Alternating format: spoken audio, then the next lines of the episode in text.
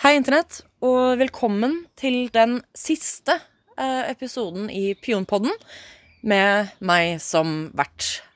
Jeg heter Hanne. Eh, dette er en podkast av og for sexarbeidere.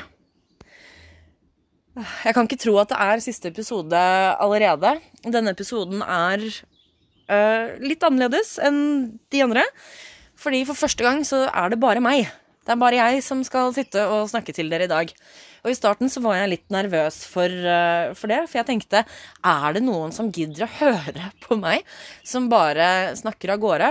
Og så kom jeg på hvor mange menn jeg har hørt som har sin egen podkast, hvor de droner av gårde i 50 minutter helt alene. Og da tenkte jeg, vet du hva, er faen meg innafor. Uh, jeg har jo dog uh, et publikum, men de er ikke sexarbeidere, så de får ikke lov til å si noe. Sånn er det. Sånn har vi det på Pionpodden. Jeg har fått noen spørsmål. Jeg spurte Twitter som jeg så gjerne gjør. Twitter er jo min kanal for det meste her i livet. Eh, jeg spurte Twitter om de hadde noen spørsmål til meg som de ville at jeg skulle ta opp, gitt at det er siste episode. I denne episoden så kommer jeg også til å snakke en del om meg selv. Noe jeg har vært litt forsiktig med tidligere. Fordi podkasten som jeg ville lage, skulle ikke nødvendigvis, nødvendigvis handle om meg. Jeg ville lage en podkast som tok opp mange opplevelser fra forskjellige perspektiver. Vi har jo hatt medieviter med. Vi har jo hatt en tidligere Swerf med. Uh, vi har hatt sexarbeidere med. Vi har hatt en episode som har handlet om venstresiden. Og vi har hatt en episode med myteknusing. Vi har også hatt en episode om kvinnedagen og korona. Jeg har lurt veldig på hva jeg skal si sånn helt på slutten. Hvordan skal man avslutte dette fantastiske eventyret? Så jeg har hørt på dere. Jeg har tatt med nesten alle spørsmålene. Og jeg har nesten ikke lyst til å begynne, fordi jeg vet at når jeg er gjennom de, så er det ferdig. Da er det ikke noe mer. Og det er en vemodig følelse, vil jeg si. Men vi må jo bare kjøre videre. Vi må jo bare gå på. Så eh, det første spørsmålet jeg har lyst til å ta opp, var hvorvidt jeg foretrekker lunsj eller brunsj. Og det syns jeg var så fint, og da svarer jeg brunsj. Jeg svarer faktisk brunsj på den. Ja, fordi på, på lunsj så er det så business, men på brunsj så er det litt mer sånn mimosa-stemning. Og surdeigsbrød med avokado, og posjert egg. Som for øvrig er noe av det beste jeg vet. Og som jeg pleide å spise veldig ofte da jeg bodde i Melbourne. Men det er ikke så vanlig her i Norge. Eh, det neste spørsmålet jeg tenkte jeg skulle ta opp, er om det finnes en standardrate, og hvordan vet man hvilken pris man skal ta. Det finnes nok ingen bransjestandard sånn sett. Vi har jo ikke en fagforening som forhandler eh, med kundene våre. Det skulle jo ha tatt seg ut. Men mitt tips der er å gjøre en del research. Eh, og sette, sette prisen din faktisk ganske høyt. Fordi det er lettere å gå ned i pris enn det er å gå opp i pris. Uh, Syns jeg, i hvert fall, etter å ha jobbet i industrien i syv år. Men hva vet jeg? Uh, og et annet spørsmål var hva er den beste måten å kommunisere med potensielle kunder? I Norge så vil jeg si, og dette her er selvfølgelig ut ifra meg selv og mine opplevelser alle har forskjellige ting som de liker. Det som funker for deg, fungerer ikke nødvendigvis for andre. Uh, men for min del så liker jeg å kommunisere via e-post. For da kan jeg bla tilbake i samtalen. Jeg kan vite hva de har sagt, og hva de liker. Uh, for det kommer jo en del fram. Og så har du også muligheten til å svare typ når du vil, og du kan tenke deg om. Jeg vet at mange foretrekker å snakke på telefonen, men det syns jeg ærlig talt er litt slitsomt. Outer meg selv som en skikkelig millennial som ikke gidder å snakke på telefonen med folk. Og i en ideell verden, hvordan ville den tryggeste måten å treffe en kunde vært? Og her kjenner jeg at det er på tide med litt eh, bordellhistorier. Jeg har jo som sagt jobbet på bordell, og det er den jobben jeg savner mest. Jeg likte veldig godt å ha bakrommet for å snakke med, med de andre på. Ha kollegaer rundt meg. Og det gjør en del, tror jeg, for mental helse. Og det gjør en del for eh, seksuell helse og generelt trygghet. Når du jobber på et bordell, så har du noen som sitter i resepsjonen. Du har f.eks. kamera i gangen. Du har eh, trygghetsalarm oppe på rommet, og du har dusj selvfølgelig på alle rom. Det tenker jeg at uh, er det tryggeste for min del, i hvert fall, og slik som jeg foretrekker å jobbe. I min sånn drømmesituasjon så skulle jeg også hatt uh, en egen type sykepleier eller lege, som da sikkert måtte ha vært en, uh, en kvinne, som kunne gjøre helsesjekk på kundene våre. For det må jo vi gjerne gjøre selv, og jeg er ikke fagutdannet der. Her måtte man på en måte lære eh, mens man gikk videre. Og det man gjør da med disse kundene Så først så har du en samtale med kunden. Kunden sitter eh, på et rom. Eh, på det rommet så er det kanskje en skjerm hvor det går noen musikkvideoer, kanskje et pornoblad eller to. Og så kommer man inn en etter en, og så snakker man, finner ut om man liker hverandre, om man har noen kjemi, osv. Og, og jeg kunne selvfølgelig si nei til alle kunder, noe jeg gjorde også. Og så bestemmer kunden seg for om han faktisk har lyst til å treffe noen av oss mer, eller om man ikke likte noen, og så går de bare. Her er det også mye time wasters, bare så det er sagt. Folk som går inn på bordellet, krever å snakke med alle jentene, og så går de og setter seg i bilen og runker etterpå. Herregud, ikke vær sånn. Ikke kast bort tiden vår, liksom. Men hvis kunden velger deg, så får du jo beskjed om det, og så går man opp på rommet. Eller inn på rommet, hvis det ikke er noen andre etasje. Og så snakker man litt mer eh, om grensesetting og så videre, litt mer i detalj. Og så får du kunden til å ta av seg eh, bukse og undertøy. Og så har du en sånn liten lommelykt, og så løfter du litt og ser litt, trekker tilbake forhuden, og da ser du etter sår. Du ser etter hvorvidt det er eh, væskesamling. Du ser etter type kviser, men er det blemmer? Er det hevelser? Er det noe på gang her? Og du trenger jo ikke å lene deg tett inntil å ta et liksom godt whiff av dette her, men lukter det noe, så kjenner du antageligvis det også. Dette er en helt vanlig helsesjekk. Jeg skulle jo ønske at jeg hadde en profesjonell til å gjøre dette her på, på mitt uh, drømmebordell. Hvis alt er i orden, så sender du kunden i dusjen, går ned med pengene, tar deg kanskje en tyggis, eh, sprayer litt med parfyme eller deodorant, og så går du opp igjen, og så starter akten. Det tenker jeg at er det tryggeste for oss, da. Eh, jeg vet at ikke alle trives med å jobbe på bordell, og det er helt greit. Det er så innafor. You do you, liksom. Men for meg så var det ja, beste jeg kunne tenke meg. Nei, for øvrig, vi suger ikke ti pikk om dagen. Eh, dette snakket vi om i, i myteknusing-episoden. Min rekord er åtte. Ganske sliten i kjeven etterpå. Og neste spørsmål er da Er du flink med verktøy, eller har du som oss andre en tendens til å treffe tommelen med hammeren? Eh, ja, både og. Jeg har liksom ikke så mye erfaring, men jeg gjorde det greit på sløyden. Er det, er det innafor? Er det liksom ja, svar nok på, på, spørsmålet? Når det skal sies, så har jeg fått mye god terapi i å hugge ved. Uh, når jeg trengte å gjøre det. Helt, helt normalt, tenker jeg jeg sier. Og et annet spørsmål er uh, hvor mye yrket mitt vil du si er teori, og hvor mye er praksis eller resultat av prøving og feiling? Kan man lese seg god? Noen kan det. Andre er intuitive og veldig flinke til å lese mennesker. Det er enkelte som kommer på jobb første dagen og bare vet at det her funker. Eh, sosialt intelligente mennesker. Noen andre må kanskje lese seg opp, og det er selvfølgelig lov. Noen gidder ikke, og det er også lov. However, du burde ha et lite sånn krasjkurs i, i, sykdom og helse og hvordan ha sunn og sikker sex. Eh, kjekt. Så jeg har fått flere spørsmål om hvorvidt jeg har vurdert å skrive en bok. Eh, ja, jo, jeg har jo det. Mange ganger. Altså, min barndomsdrøm var jo å være forfatter. Jeg ville jo ha Tove Jansson-livet. Jeg skulle bo på en øy eh, sammen med min gode venninne her i store anførselstegn eh, med en hund, og så skulle jeg skrive bøker. Det har jo ikke skjedd så langt, men det er jo aldri for seint. Akkurat nå, jeg vet ikke om det kommer med på podkastene, men akkurat nå så sitter jeg midt i fuglekvitter, så det er jo litt Tove Jansson. Kanskje.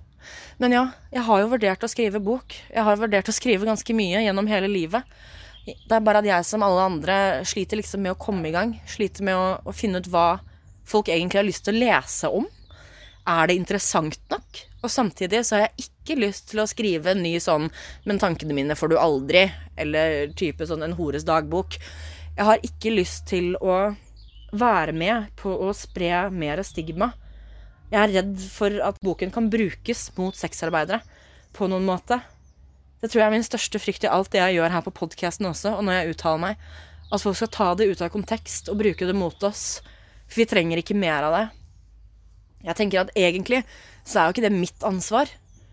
Men kanskje det er det allikevel. Spesielt fordi at jeg når ut, tydeligvis, til, til så mange. Det er vanskelig. Det er en balanse jeg ikke er komfortabel med at jeg har funnet. Eller jeg tror ikke jeg har funnet den ennå. Etikken i det å skulle skrive en bok som kan bli brukt mot andre sexarbeidere, er hard. Jeg skulle gjerne hatt noen andre til å, til å hjelpe meg med det, og sørge for at jeg ikke skriver på vegne av noen. Jeg vil ikke snakke på vegne av folk som jeg aldri har møtt, eller ikke kan representere på noen måte. Det er noe av det skumleste jeg vet om. Jeg er livredd for det. Jeg skal gå litt videre, for jeg kjente jeg ble nesten litt, uh, litt emosjonell. Kjente jeg ble, ble sittende og, og, være i mine egne tanker. Det gjør vi jo alle, men kanskje overtenker kanskje litt. Ja. Så hvordan er det å operere i en kontantbasert business nå når de fleste penger er digitale? Vet du hva? Det er helt jævlig. Det er absolutt fuckings grusomt. Spesielt nå når det er enkelte butikker som ikke godtar kontantbetaling. Og tingen er at sentralbankloven har fremdeles ikke blitt tilsidesatt, så det kan de faktisk ikke gjøre. Jeg forstår det veldig godt av smittehensyn, men det er folk der ute som ikke har bankkonto, som ikke har muligheten til å ha et bankkort, eh, og som opererer kontant. Jeg syns det er utrolig kjedelig. Åh, det er mange hindre for de av oss som selger sex, og dette her er en av dem. Blant annet så ser det jo ganske shady ut når jeg skal overføre alle pengene mine fra kontant og til min bankkonto, og så spør de i banken ja, hvordan fikk du disse, og jeg har ikke lyst til å svare hei, jeg er en sexarbeider, for jeg orker ikke å måtte deale med det stigmaet. Altså, du har jo folk som snur seg og går bare du nevner sexindustrien. Så jeg syns det er kjedelig. Eh, jeg skulle ønske at dette her var lettere.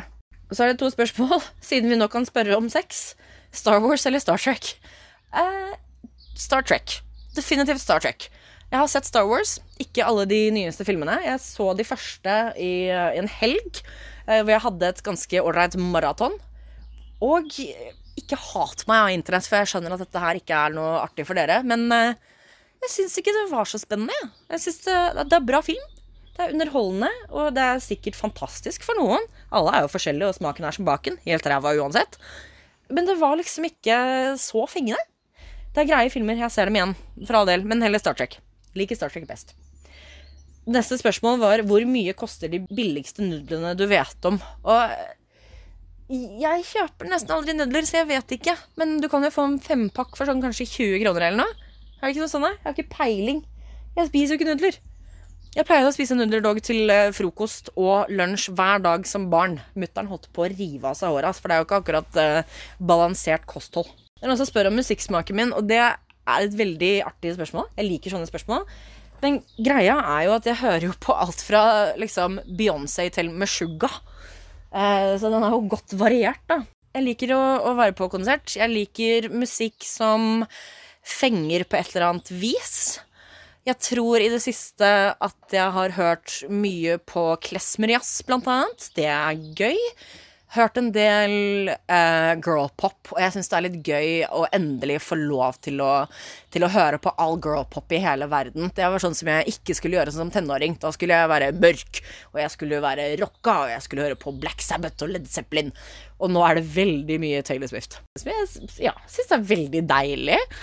Uh, jeg har for øvrig vurdert å svare alle swerves med, med musikkvideoen til Taylor Swift, You Need To Calm Down. Jeg har ikke gjort det enda, men, eh, men det frister. Selvfølgelig. Generelt så er jeg veldig Jeg hører mye på musikk. Jeg lar det styre humøret mitt. Jeg liker å Hvis jeg er i dårlig humør, så kan jeg sette på noe, og så kan jeg endre det. Jeg kan skifte det. Det er fantastisk hva musikk kan gjøre med oss. Jeg har spilt bitte litt gitar og bitte litt piano. Jeg er ikke noe god på noen av delene, men det er jo gøy. Fint å klimpre litt. Spørsmål. Hvilken doktor syns du er den beste? Dette er jo Dr. Who-spørsmål. Ehm, jeg syns det er vanskelig å velge en favoritt. Men jeg kan si dere, det er i hvert fall ikke Matt Smith. Han er jo Jeg skjønner at mange, at mange liker han. Jeg forstår eh, sjarmen. Eh, men han går så bort fra en del av det som, som jeg likte så godt i bl.a. Eh, Eccleston, som er eh, den første i, i de nye, nye, seriene. Som jeg er veldig glad i. Jeg er også glad i Tennant. Jeg liker hun nye også, Jodie Whittaker. Det er bra greier. Men Matt Smith er litt sånn La oss sprenge verden. Og det stemmer ikke overens med prinsippene til doktoren. Det, this is not canon. Det går ikke. Han kan ikke være sånn. Samtidig så elsker jeg jo The Ponds. River Song syns jeg er kjempegøy. Hele det der familiedramaet der er jo fantastisk. Utrolig morsomt å følge med på, og mind blown sikkert fire ganger. Litt i samme bane om jeg har en film eller bok som alle burde se i løpet av livet. Jeg tenker at alle burde lese mer Foucault. Alle burde lese mer for K. Alle burde lese Sarah Ahmed, 'Living a Feminist Life'. Eh, og også dette her med å være en uh, feminist killjoy, noe jeg er ganske ofte. Uh, jeg blir jo beskyldt for å være en sur feminist i hverdagen, og det er helt greit. Jeg er en sur feminist. Jeg er en skikkelig drittkjerring noen ganger også. Bare, Hvis du ikke liker det, så er det helt greit. Du kan få lov å gå videre. Men om jeg har en film som alle burde se Nei, ja Har jeg egentlig Jeg tror ikke det. Har jeg sett Firefly?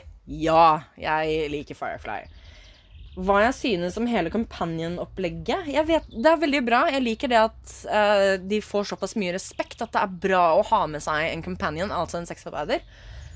Jeg liker uh, hun skuespilleren også, som jeg ikke husker hva heter sånn i farta. Jeg liker måten de håndterer det på. Det er veldig deilig å se en god representasjon av sexarbeidere det er godt å få lov til å slippe å være de her beina opp mot en bil som dør i hver eneste episode av et krimshow.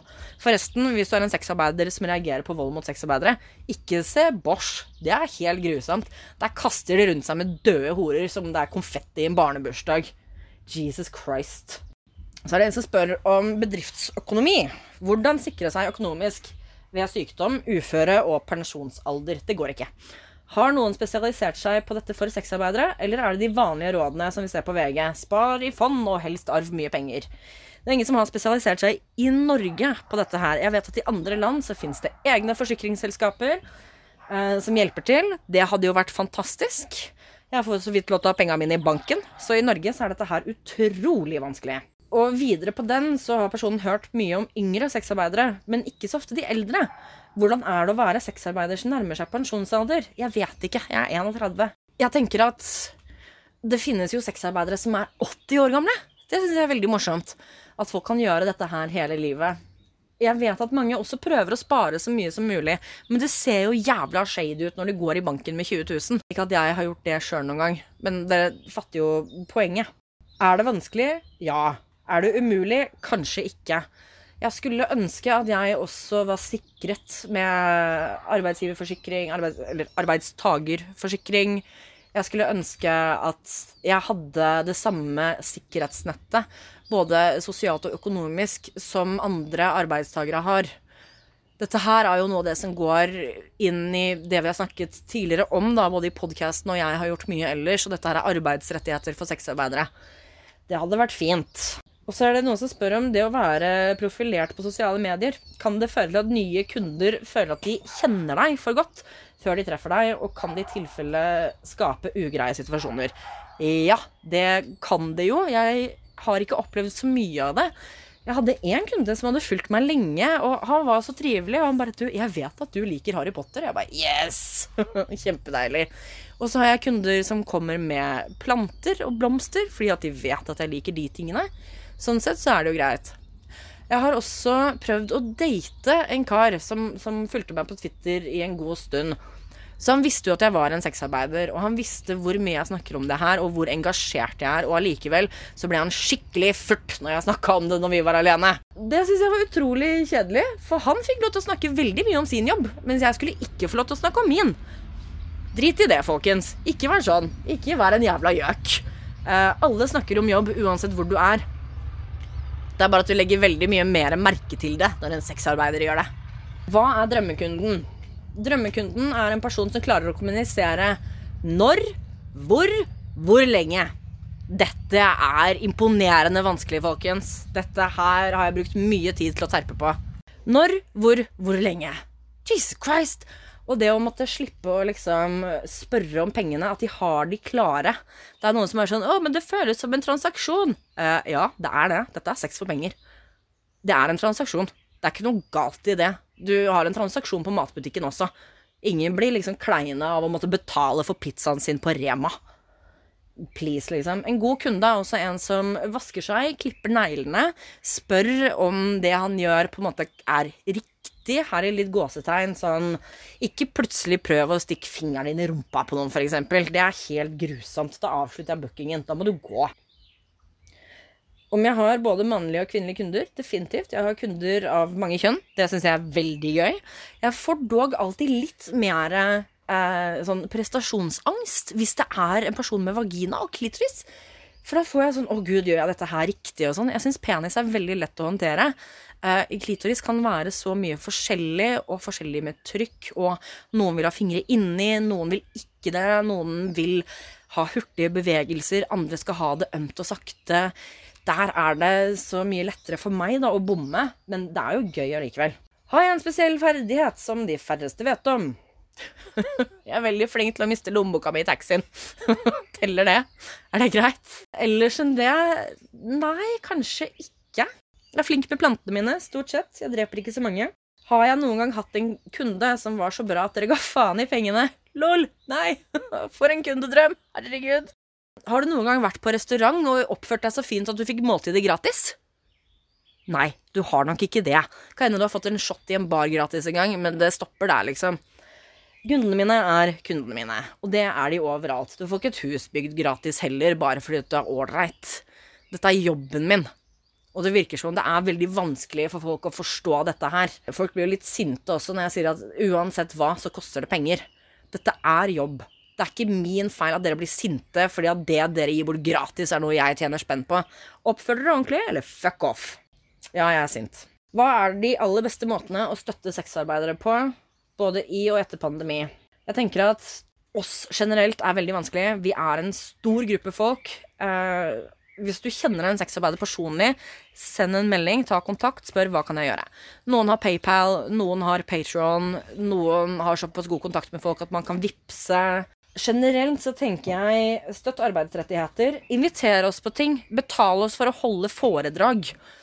Betale oss for å være med på seminar og paneldebatter. Betale oss for å skrive tekster, f.eks. Jeg har fått mye spørsmål om ikke jeg bare kan skrive en tekst på sånn 2000 ord helt gratis. Kjøss meg ræva! Det må du for øvrig også betale for. Den beste måten å støtte sexarbeidere på, er å faktisk gi dem penger. Det er sånn det funker, folkens. Man får ikke gjort veldig mye uten penger. En annen måte du kan støtte oss på, er å dukke opp på de tingene vi gjør, og det vi lager. Eh, dukke opp på kunstutstillingene våre, seminarene våre, debattene våre. Disse tingene kan hjelpe oss mer kanskje enn det folk tror. Hvilke reisemål i Norge og eventuelt, eventuelt utland vil du anbefale? Akkurat nå eh, ingen av dem. Bli hjemme, vask hendene. Generelt Jeg hadde det jo veldig fint i Australia, som de fleste vet, men det er kanskje litt langt. Det er også eh, forskjellig, selvfølgelig. Svalbard er jo fantastisk, spesielt på vinteren. Uh, men da må du være glad i, i, i snø og sånn snøscooter og sånn. Forstår at ikke alle er det. Jeg anbefaler å reise steder som ikke er over uh, mye turisme. Jeg vet blant annet at Airbnb Ikke bruk Airbnb. Ikke fuck opp det. Airbnb gjør at andre på leiemarkedet må betale mer for leilighetene sine. Dette har vi annet sett i Spania og sånn. Ikke, ikke reis dit.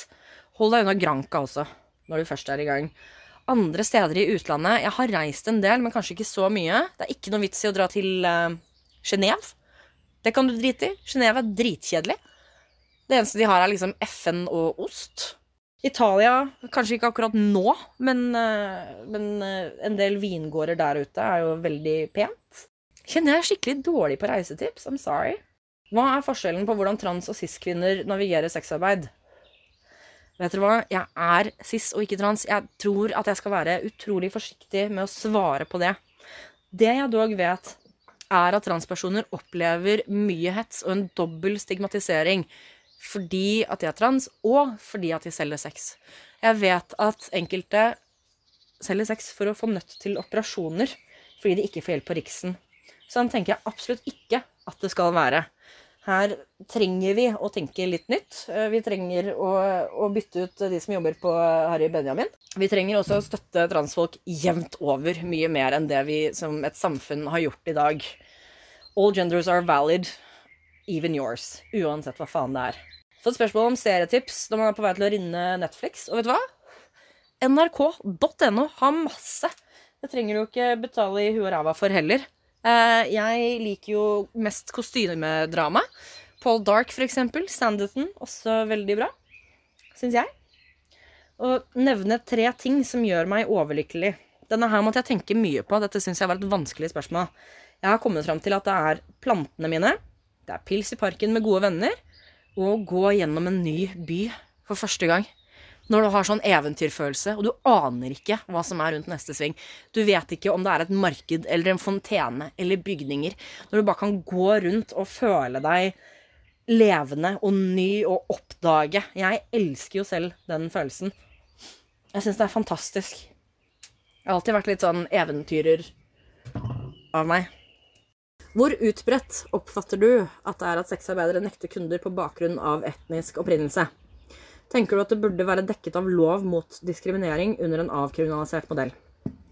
Det er noen som nekter kunder av forskjellige etnisiteter. Jeg syns at det er kjedelig. Jeg gjør det ikke.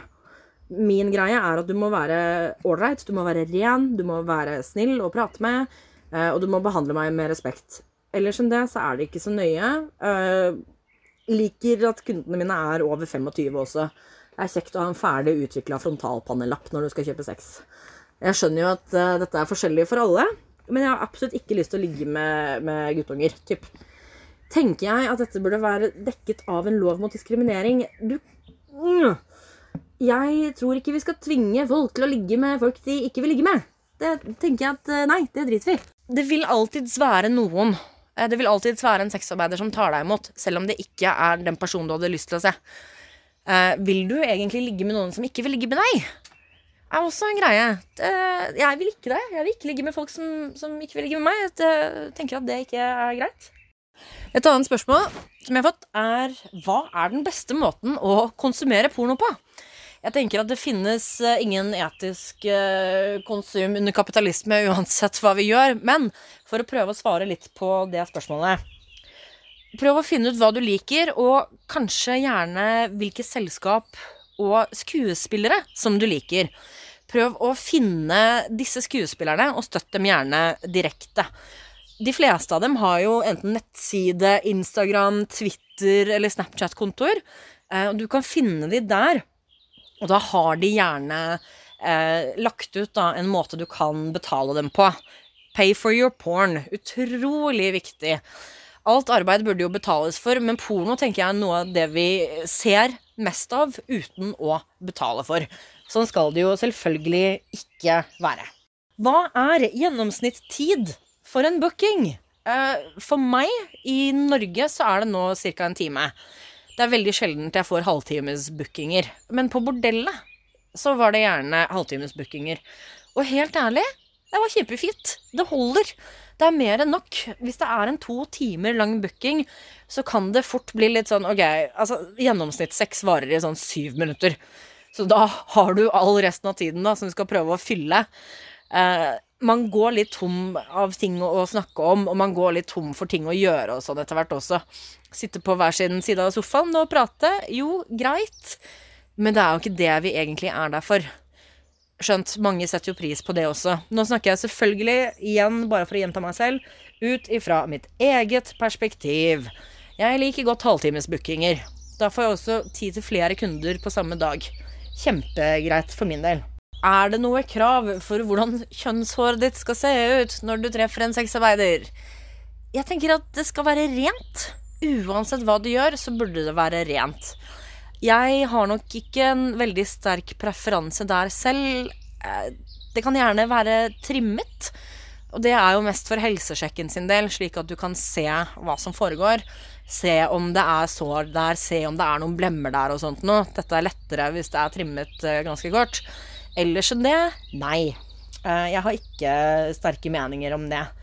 Og generelt sett så vil jeg si at hvordan du ser ut, er ikke nøye for meg. Jeg bryr meg så lite om det. Det som er viktig for meg, er at folk er eh, som sagt, rene, at de har dusja, at de behandler meg med respekt. Noen av de beste kundene jeg har, er over 60. De er trygge og snille. De er varsomme. De er rolige. De liker gjerne å sjarmere deg litt på den gammeldagse måten. Snakke over et glass vin, spise litt ost, sitte og, og fjase litt og sånt noe, og så booking. Dette her er ting jeg setter pris på. Alle er igjen selvfølgelig forskjellige. Det er lov.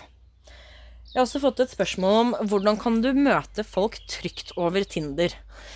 Jeg tenker at det er vanskelig sånn generelt. Bruk mye magefølelse. Få dem gjerne til å gi deg sånn Facebook-kontoen.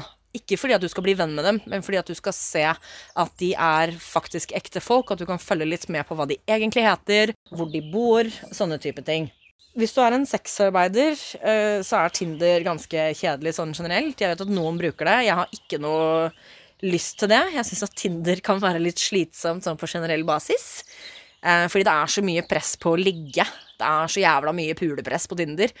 Og det er ikke nødvendigvis det jeg er ute etter. Jeg får jo stort sett dekket det behovet på jobb. Så det er ikke sånn jeg tenker at Tinder burde være for min del, da. Vær forsiktig når du skal møte fremmede på internett. Dette har jo mange av oss lært siden barndommen. Si ifra hvor du er. Få noen til å ringe deg i løpet av daten.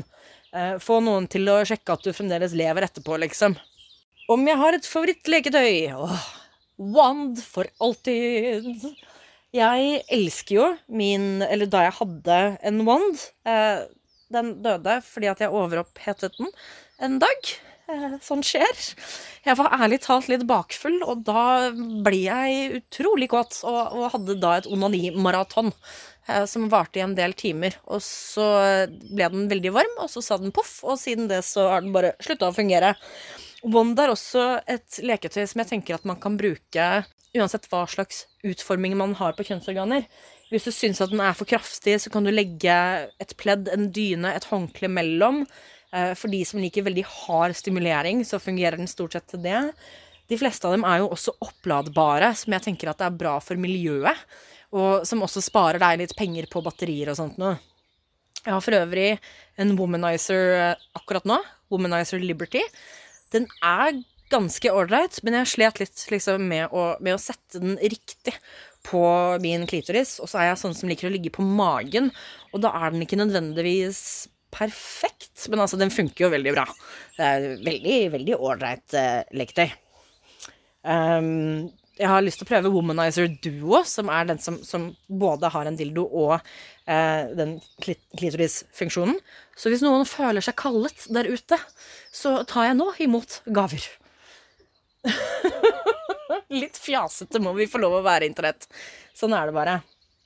Og det siste spørsmålet jeg har, er Hva er en god alliert? Nummer én ikke sett deg selv først.